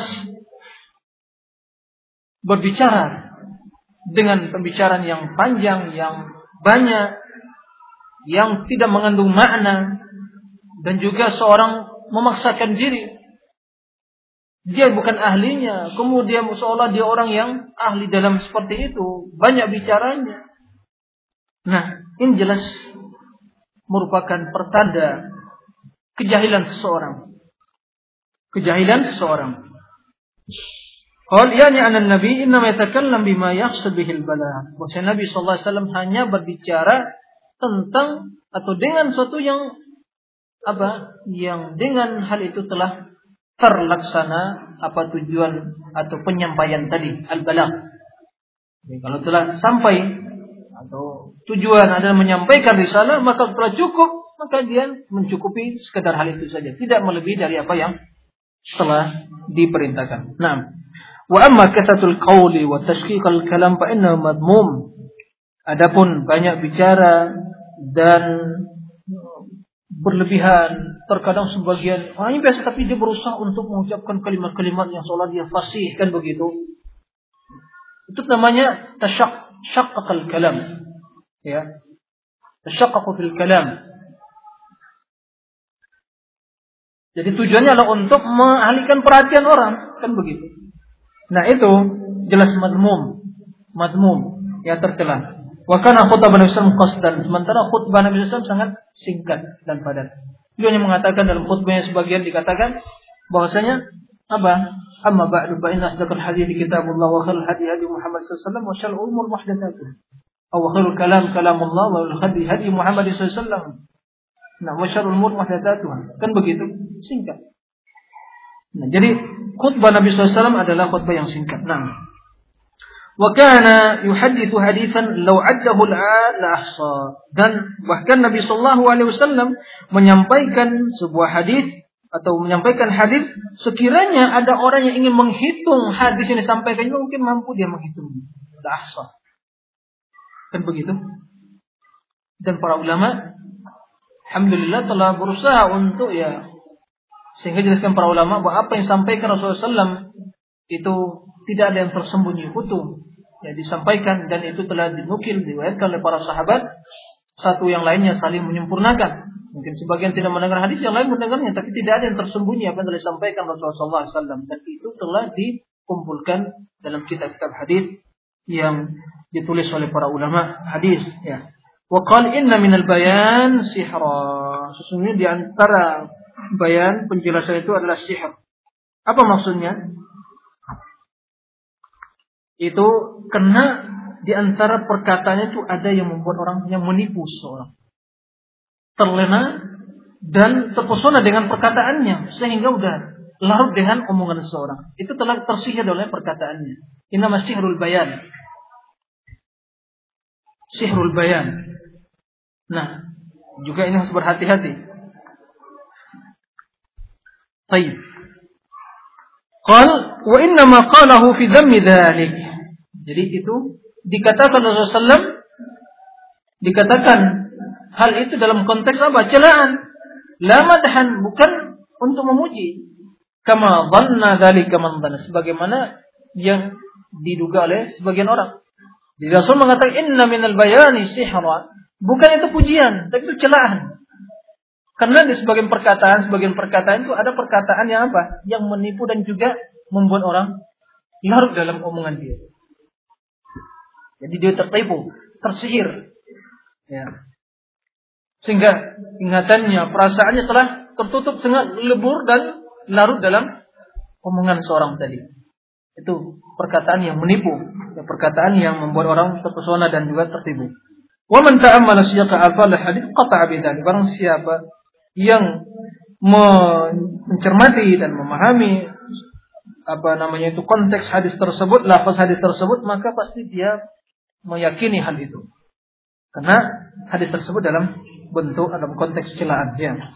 Wa fi Tirmidzi wa ghairihi an Abdullah bin Umar marfu'an inna Allah yuqbil yubghidul baligha min ar-rijal alladhi yatakhallalu bilisani kama yatakhallalu al-baqaratu bilisaniha. Hadis ini diriwayatkan oleh Tirmidzi dan juga Abu Daud. Bahwa hadis sahih bahwasanya Allah Subhanahu wa taala membenci al-baligh orang yang balik minar rijal laki-laki yang fasih yaitu ya dalam berbicara yatakhallalu bilisani yang memainkan yang bersilat lidah. Ha, memainkan lisannya bersilat lidah. Sebagaimana bakara sapi memainkan lidahnya. Apa maksudnya? Kalau dia makan tuh bagaimana dia makan? Kan begitu ya. Ada sapi yang bisa memainkan lidah kan ada memainkan lidahnya. Jadi seolah dia sapi yang sedang bermainkan lidahnya bersilat lidah. Jadi Allah membenci orang yang bersilat lidah. Ha? Bagaikan sapi juga ya takhallaluhu jadi dikeluarkan keluar masuk keluar masukkan begitu kiri kanan dimain-mainkan. Itu ya takhallalu bihi. Itu kata Rasulullah SAW Allah membenci orang yang seperti itu. Oleh karena itu juga dalam sebagian hadis Rasulullah SAW Rasulullah sangat mengkhawatirkan ya terhadap uh, profil sebagian manusia yang mereka itu alimul lisan. Akhwafu ma akhafu alaikum ala ummati alim munafiq alimul lisan. Munafiq alimul lisan. Pandai bersilat lidah. Ahli dalam berbicara atau orang yang uh, pandai berbicara. Itu berbahaya. Sebab akan menyihir ya, akan menyihir orang-orang yang ada di hadapannya. Baik. وفي المعنى أحاديث كثيرة مرفوعة وموقوفة على عمر وسعد وابن مسعود وعائشة وغيرهم من الصحابة.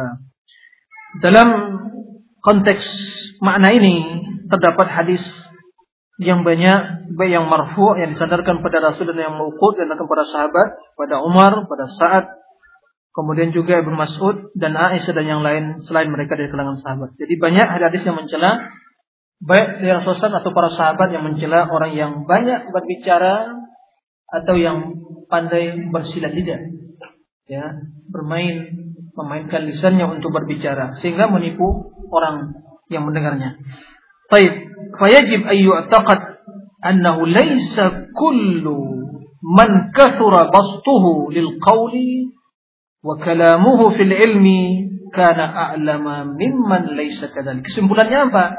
Maka wajib diyakini kata Imam Ibnu Rajab, maka bukanlah orang yang luas pemaparannya, bastuhu. Satu masalah mungkin dua jam dia berbicara, ini begini, ini ini ini begini dan seterusnya. Hah? Bukanlah orang yang luas pemaparannya, lil qaul atau luas pembicaraan tentang suatu masalah, pembicaraan atau banyak bicara tentang ilmu berarti ia lebih berilmu daripada orang yang bukan seperti itu.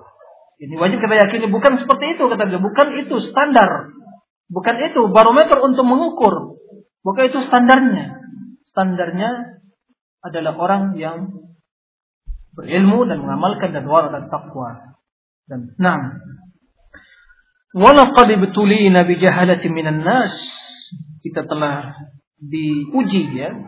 Ibtila dengan manusia-manusia yang bodoh. Ini zaman beliau, kalau beliau mengatakan di zaman Ibnu Rajab, abad keberapa Imam Ibnu Rajab? Abad ke-8. Mengatakan perkataan seperti ini, apalagi di zaman sekarang ini. Asyad lebih parah lagi. Imam Ibnu Rajab, imam yang banyak di zaman beliau, para ulama, ulama besar, apalagi zaman sekarang ini boleh katakan ya banyak orang-orang yang diulamakan dan dibesarkan. Bukan ulama besar, yang diulamakan dan dibesarkan. Bukan dia ulama besar. Seperti itu. Nah, al-jahala minan nas ini musibah. Mereka kita telah diuji dan dicoba ya dengan orang yang seperti itu di mana mereka meyakini fi ba'di man tawassa fil meyakini sebagian orang-orang yang luas perkataannya. Minal mutaakhir dari kalangan mutaakhir itu bahwasanya itu dia lebih berilmu dari orang yang mendahului dia.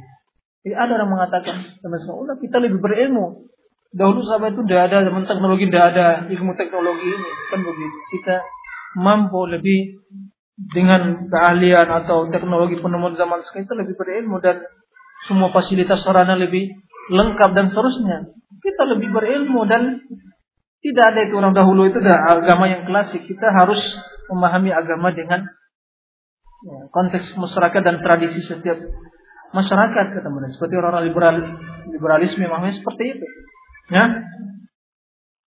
Peminhum man sebagian ada yang menduga fi syakhsin annahu a'lamu min kulli man taqaddama min as-sahabati wa man ba'dahu li kathrati bayani wa maqali. Dan sebagian ada yang menduga tentang seseorang bahwa dia lebih berilmu dari seluruh yang mendahului dia dari kalangan para sahabat yang datang sepeninggal para sahabat disebabkan apa? Karena banyak penjelasan dan juga perkataannya. Jadi pandai dia menjelaskan banyak perkataannya, menyangka dia inilah dia yang alim, ini yang berilmu, lebih berpintar dari sahabat dan generasi sudah mereka. Taib. Peminhum man bahkan sebagian mereka yang mengatakan huwa a'lamu minal fuqaha al Dia lebih berilmu dari para fuqaha yang telah masyhur ya, yang telah tenar dan yang telah diikuti. Jadi lebih berilmu dari Imam Malik, Imam Ahmad, Abu Hanifah dan Syafi'i kan begitu dan ulama yang lain, fuqaha yang lain seperti Al-Auza'i dan yang lain-lainnya. Sampai ada yang mengatakan seperti itu. Nah, sehingga dia tidak mengambil uh, manfaat dari faedah dari kita-kita yang ditulis oleh mereka. Baik, wa hadha yalzam minhu ma qablahu lianna هؤلاء الفقهاء المشهورين المتبوعين أكثر قولا ممن كان قبلهم فإذا كان من من بعدهم أعلم منهم لاتساع قوله كان أعلم ممن كان أقل منهم قولا بطريق الأولى dan ini tentu konsekuensinya dari ungkapan yang seperti ini itu menjelaskan apa yang sebelumnya di mana para fuqaha fuqaha yang masyhur yang telah tenar itu yang uh, yang diikuti tersebut lebih banyak perkataannya dari orang-orang sebelum mereka. Kalau mereka meyakini fuqaha itu lebih apa mereka lebih eh, orang-orang uh, yang mutaakhirin lebih berilmu dari para fuqaha karena banyak perkataannya Nah ini jelas konsekuensinya apa? Para fuqaha itu lebih berilmu dari orang sebelumnya. Kenapa? Karena para fuqaha yang diikuti lebih banyak perkataannya dari tabi'in dan sahabat. Baik. Nah, baik kana man ba'dahum a'lam minhum. Jika orang yang datang sepeninggal mereka lebih berilmu dari mereka karena luasnya perkataannya, tentu kana a'lam man kana aqalla, tentu ia lebih berilmu daripada orang yang sedikit perkataannya dengan apa? Dengan konsekuensi yang lebih yang pasti atau yang tentu lebih utama kalau itu sebagai standar penilaiannya. Nah, kathauri wal Auza'i wal Laits wa Ibnu Mubarak wa tabaqatihim wa man qablahum min at-tabi'in was sahaba aidha. Jadi jika mereka mengatakan orang mutaakhir ini lebih berilmu karena perkataannya banyak dan lebih berilmu dari fuqaha-fuqaha yang diikuti maka jelas berarti mereka para fuqaha tersebut lebih berilmu dari ulama-ulama yang sebelumnya yang seangkatan dengan Tauri, wal Auza'i, wal dan yang seangkatan dengan mereka. Dan juga dari yang sebelumnya tabi'in dan juga sahabat. Kenapa?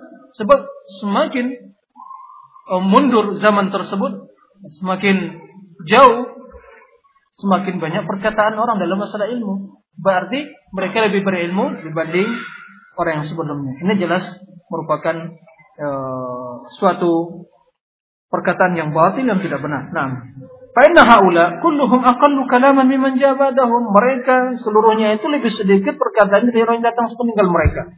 Wa hadha tanaqqusun 'azimun bis salaf. Dan ini merupakan celaan yang sangat besar terhadap salafus saleh wa isa'ati dhannin bihim dan juga dugaan yang tidak baik ya.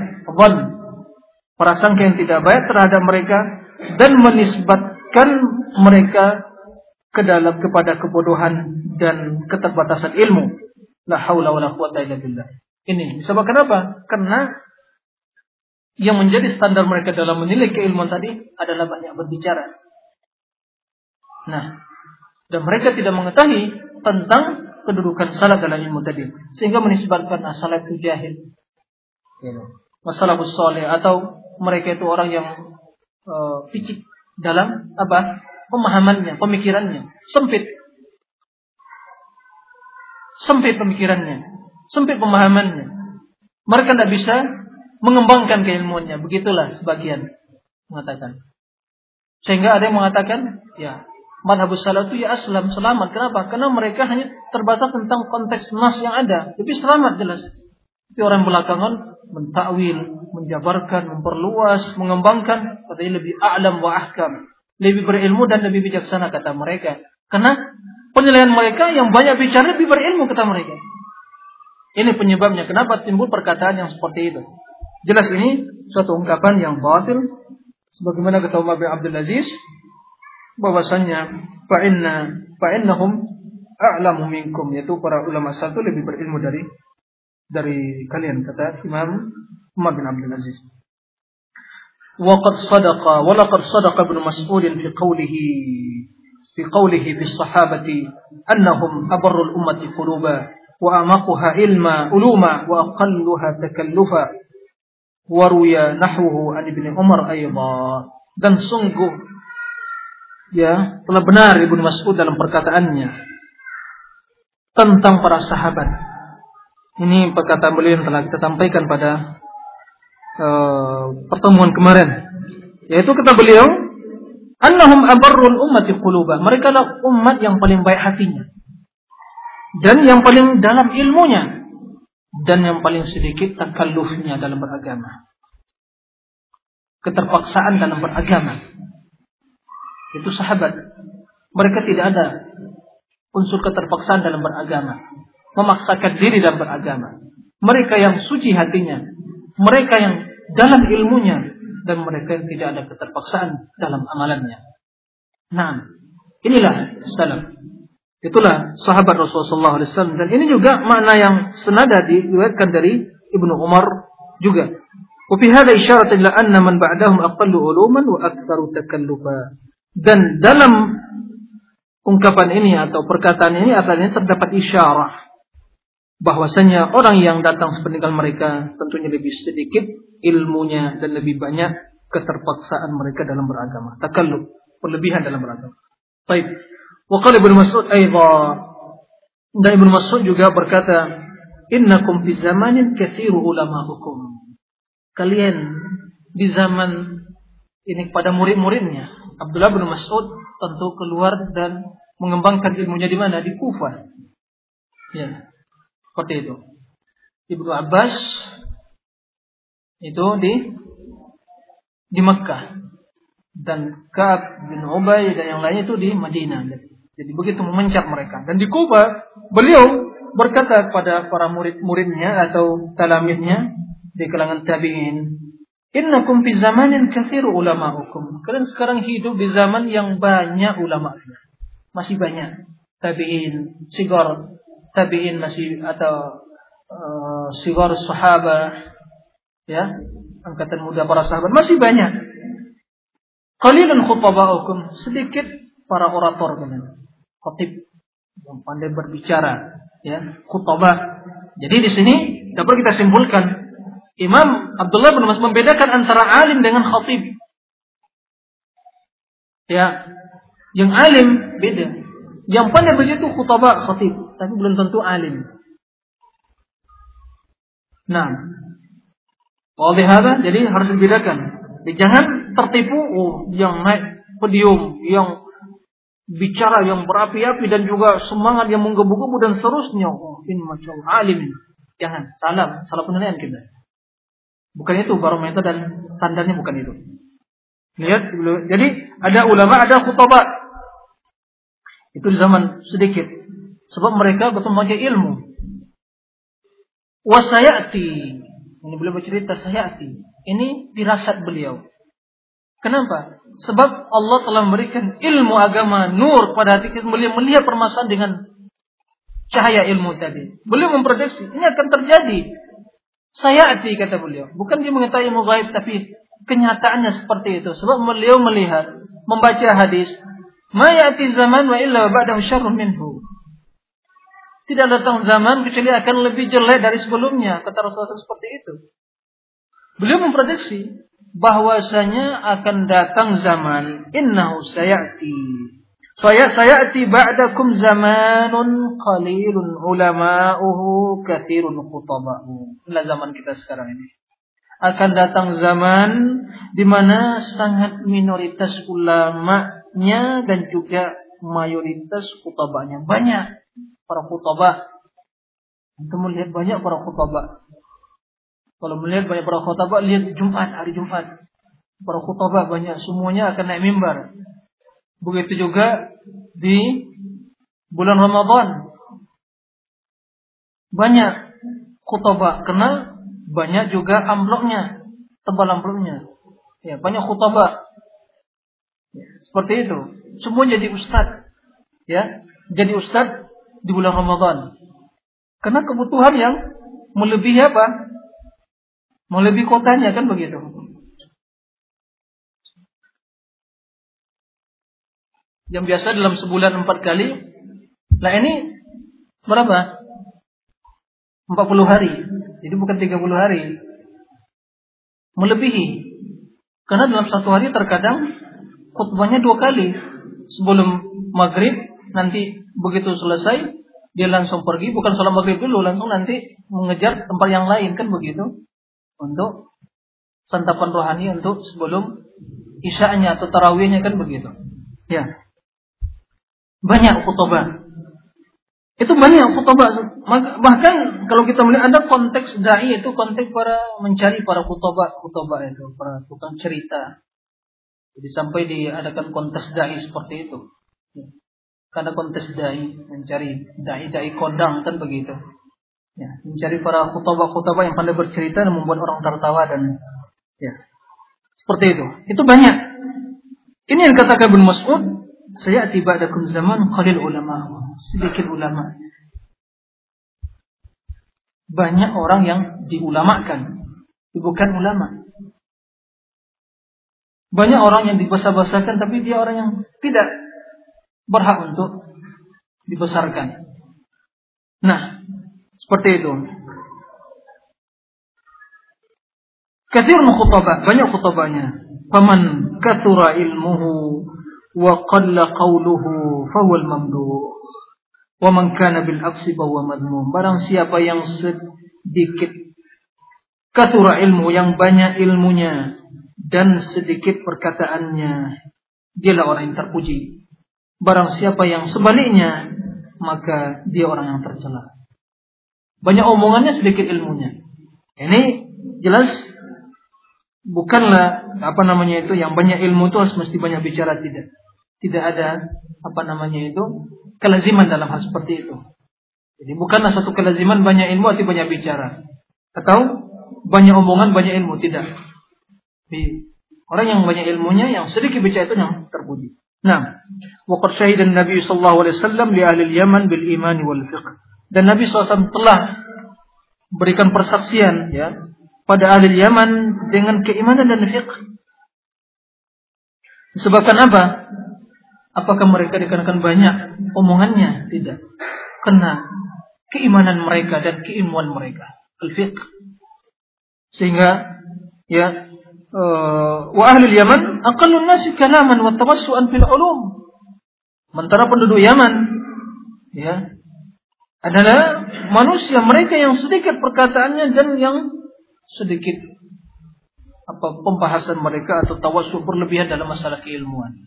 Di mereka bahkan bahkan Rasul mengatakan al iman yamani kan begitu. Iman itu adalah yamani ya, dari Yaman. Artinya mereka mendapatkan kesuksesan dari Rasulullah SAW merupakan orang yang mempunyai keimanannya. Begitu juga masalah fiqh. Nah, lianna ilmahum ilmun nafi' fi qulubihim. Karena ilmu mereka ilmu yang bermanfaat dalam hati mereka. Yang mempengaruhi, yang mewarnai, yang menanamkan keimanan, keyakinan dalam hati. Itulah ilmu yang bermanfaat wa yu'abbiruna bi alsinatihim anil qadar al muhtaj ilaihi bidzalik. Mereka mengungkapkan dengan lisan mereka ya dengan sekadar ya apa yang dibutuhkan dalam perkara itu. Jadi sekadarnya tidak berlebihan. Sesuai dengan kebutuhan. Wahada wal fiqhun nafi. Inilah fiqh ilmu yang bermanfaat. Pemahaman yang bermanfaat. Ini pembahasan yang jelaskan oleh Imam Ibnu Rajab tentang standar dalam menilai keilmuan atau orang yang berilmu tadi. Yang intinya bukanlah ilmu itu yang banyak berilmu itu orang yang banyak berbicara. Bukanlah yang jahil itu yang sedikit omongannya. Tapi yang berilmu itu adalah orang yang sedikit bicaranya dan banyak ilmunya. Nah, kemudian setelah itu beliau menjelaskan tingkatan-tingkatan keilmuan atau ilmu yang harus dipelajari ya ilmu kita datang sini untuk belajar ilmu sekali ya nah sekarang beliau ingin menjelaskan pada kita ilmu apa yang kita pelajari ilmu hitam ilmu perdukunan ilmu sihir ilmu bisa terbang ha? ilmu apa yang kita pelajari datang ke STD ini ilmu apa atau setiap hari majelis ilmu apa yang dipelajari ilmu santet, Hah? bukan itu. Ilmu apa namanya lagi macam-macam ilmu-ilmu apa istilahnya ilmu membuat orang senang pada seorang apa namanya? Ah, pelet ya. Ya, seperti itu. Bukan ilmu itu. Bukan ilmu bisa hilang, mencuri bisa hilang, bukan ilmu itu, bisa terbang, bukan ilmu itu yang itu semua ilmu yang akan membawa ke neraka, bukan ilmu surga. Nah, lihat ilmu yang kita pelajari itu apa? Pertama kata perhatikan ayyul ikhwah. Ini manhaj dan metode dalam ilmu yang itu ilmu apa? Qal fa afdalul ulum fi tafsiril Quran. Ilmu yang paling utama itu adalah ilmu dalam menafsirkan Al-Quran. Kenapa ya? Karena Al-Quran kalamullah setiap ilmu yang membahas tentang Al-Quran, kalamu ilmu yang mulia. Karena syaraful ilmi bi syarafil ma'lum. Kemuliaan ilmu itu tergantung pada kemuliaan yang dibahas, ilmu yang dibahas. Al-Quran adalah kalam Allah, membahas tentang perkataan Allah. Jelas maka ilmu yang mulia, afdalul ulum, memahami Al-Quran. Maka itu para ulama menulis kira-kira yang bagus dalam tafsir seperti tafsir Ibnu Jarir, tafsir Ibnu Katsir dan juga uh, Imam Al-Baghawi dan banyak tafsir-tafsir dan ini di antara tafsir yang perlu dimiliki oleh para tulabul ilmi, penuntut ilmu. Tafsir Ibnu Jarir, Ibnu Katsir dan juga di mutaakhirin tafsir yang bagus ya. Juga seperti Imam As-Sa'di. Ini perlu dibaca oleh tulabul ilmi agar tahu tentang makna ayat dan lebih uh, meresapi makna ya makna yang ia baca dan ayat yang dia pelajari seperti itu tafsir Quran wa ma'anil hadis dan juga mana mana hadis Rasulullah SAW makanya para ulama orang kitab syuruhul hadis. Ya. Seperti Sahih Bukhari dan kitab Fathul Bari. Dan jadi atau ulama-ulama yang lain yang bahas kitab tentang masalah makna hadis. Jadi mendalami makna hadis Rasulullah fawaid yang terkandung di dalam hadis tersebut. Kemudian segi hukum, di segi banyak hal yang akan didapatkan dari mempelajari hadis tersebut. Jadi ilmu pertama Al-Quran itu ilmu kita pelajari. Ilmu hadis yaitu masalah hadis Rasulullah jadi Al-Quran dan Sunnah. Wal kalam bil halal wal haram berbicara pembahasan tentang masalah halal dan haram. Maka nak ma'aturan sahabat itu apa yang telah dinukil dari para sahabat Ya keilmuan kita, keilmuan Al-Quran dan Sunnah dan apa yang dinukil dari para sahabat. Ini ilmu yang kita pelajari. Ini ilmu yang kita pelajari. Ilmunya tuntut ini ilmu yang bermanfaat. Al-Quran dan Sunnah dan perkara-perkara halal haram permasalahan agama yang ada asarnya, yaitu yang dinukil dari para sahabat. Wattabi'in, wattabi' tabi' wattabi'ihim ila ayantahi ila zamanil a'immatil masyhurin al-muqtada bihim alladziina sammainahum fi ma sabaq. Itu ilmu yang ada pembahasan tentang masalah halal dan haram yang dilakukan para sahabat, tabi'in dan tabi'at tabi'in sampai pada zaman para aimatul Islam yang masyhur yang dijadikan sebagai panutan, yang diikuti, yang telah kami sebutkan namanya pada yang telah disebutkan namanya. Siapa yang telah disebutkan beliau tadi? Hah? Man? Siapa ulama para imam yang diikuti keilmuannya siapa? Ya Abdullah Mubarak, Syafi'i, Al-Auza'i, Al-Thawri, Imam Ahmad, Ishaq bin Rahawai dan yang lain-lainnya. Itu aimatul Islam. Yang tidak satupun kitab ilmu yang antum baca kecuali pada dapat pujian terhadap mereka ilmuwan mereka. Qala fulan. Begitu. Jadi kita akan meninggalkan metode para ulama. Loh, sekarang kita berterus terang saja. Apakah kita menginginkan ilmu nah menginginkan ilmu bukankah para ulama dahulu telah mendapatkan ilmu nah telah mendapatkan ilmu Apakah kita lebih pintar daripada mereka? Tidak. Jika mereka lebih pintar dari kita, mereka mengikuti metode yang seperti ini dalam berilmu. Lah kalau kita ingin mendapatkan ilmu, tapi keluar dari metode mereka, mungkinkah kita dapatkan ilmu? Rasanya jauh dari ilmu ya jemaah.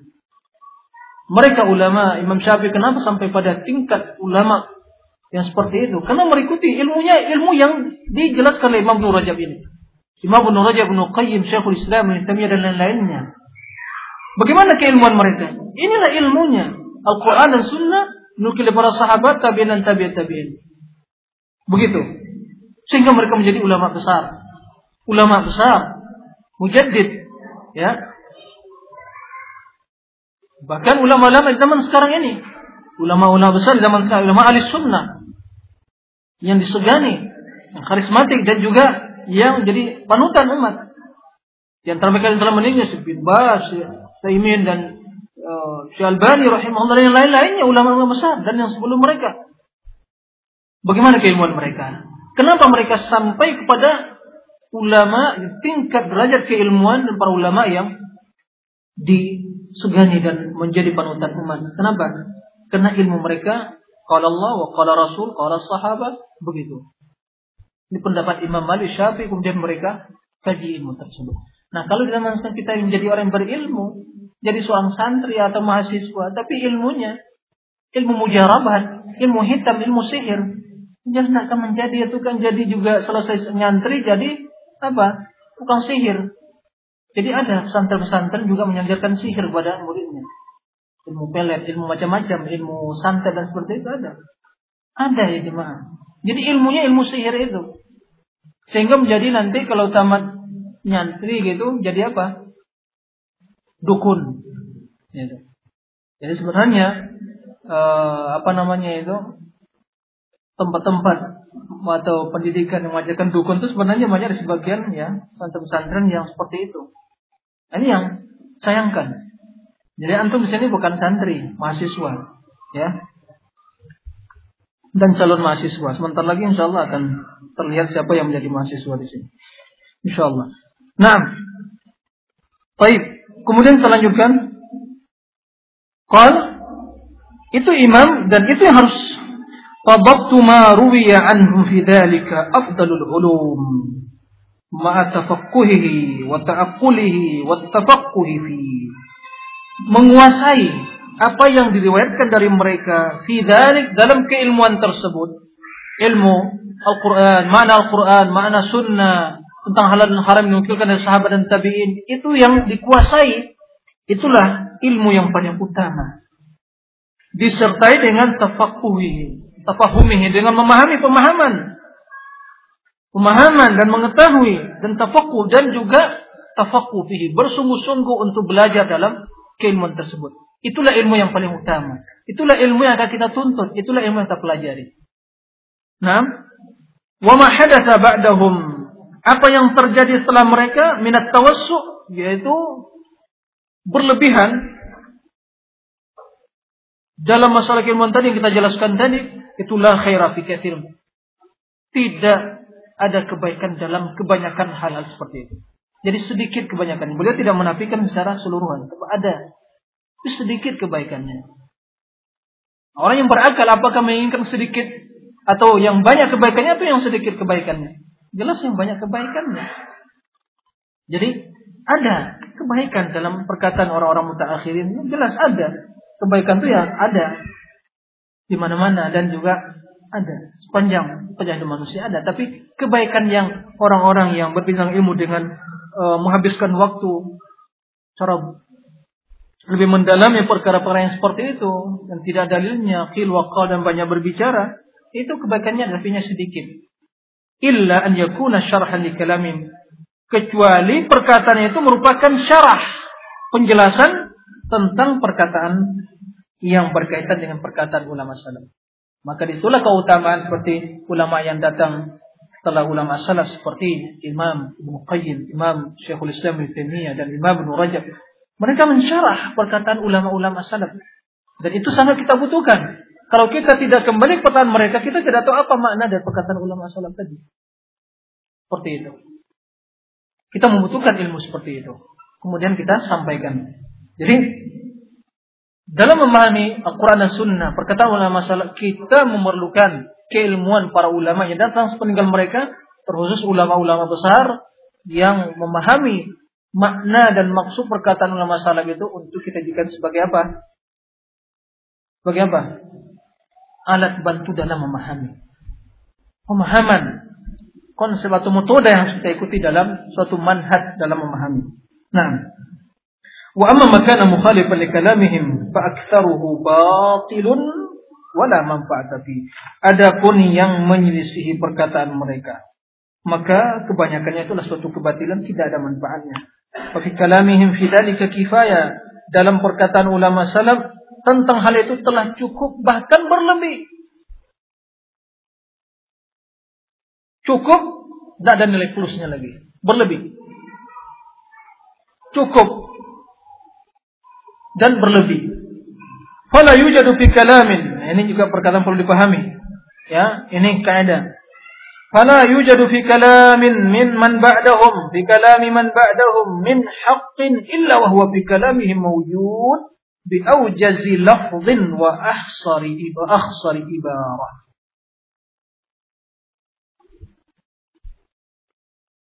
من يريد يترجم الآن أنا تعبت جل من يترجم لي ها الآن نريد ترجمة من يترجم لي ها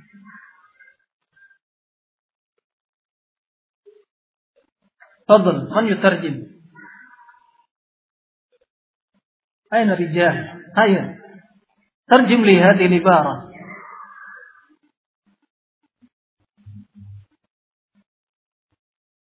طيب apa maksudnya ini قال فلا يوجد في كلام من بعدهم من حق إلا وهو في كلامهم موجود بأوجز لفظ وأخصر عبارة ولا يوجد في كلام من بعدهم من باطل إلا وفي كلامهم ما يبين بطلانه لمن فهمه وتأمله. ها؟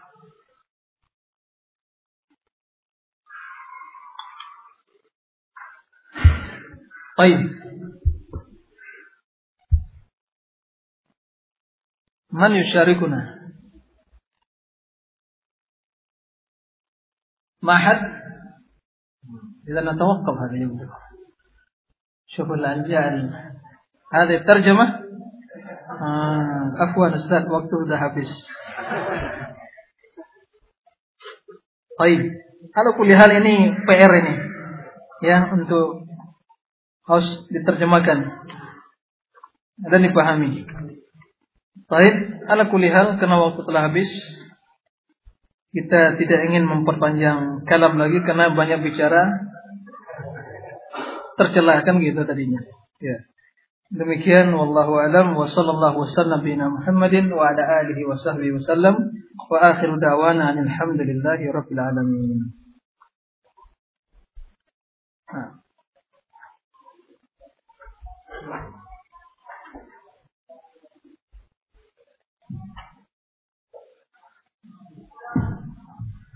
Bismillah, sekali lagi diumumkan kepada Pak Dawan Syafi'i yang belum mencatatkan daftar hadir segera sekalian sekarang jangan juga. Apalagi yang belum mencatatkan daftar hadir di kolom pertama segera ke bawah untuk mencatatkan karena itu untuk menentukan jumlah atau siang yang akan depan. Dan juga setelah dan juga disediakan makanan ringan atau snack pada para peserta segera diambil di luar kanan juga. Assalamualaikum warahmatullahi wabarakatuh.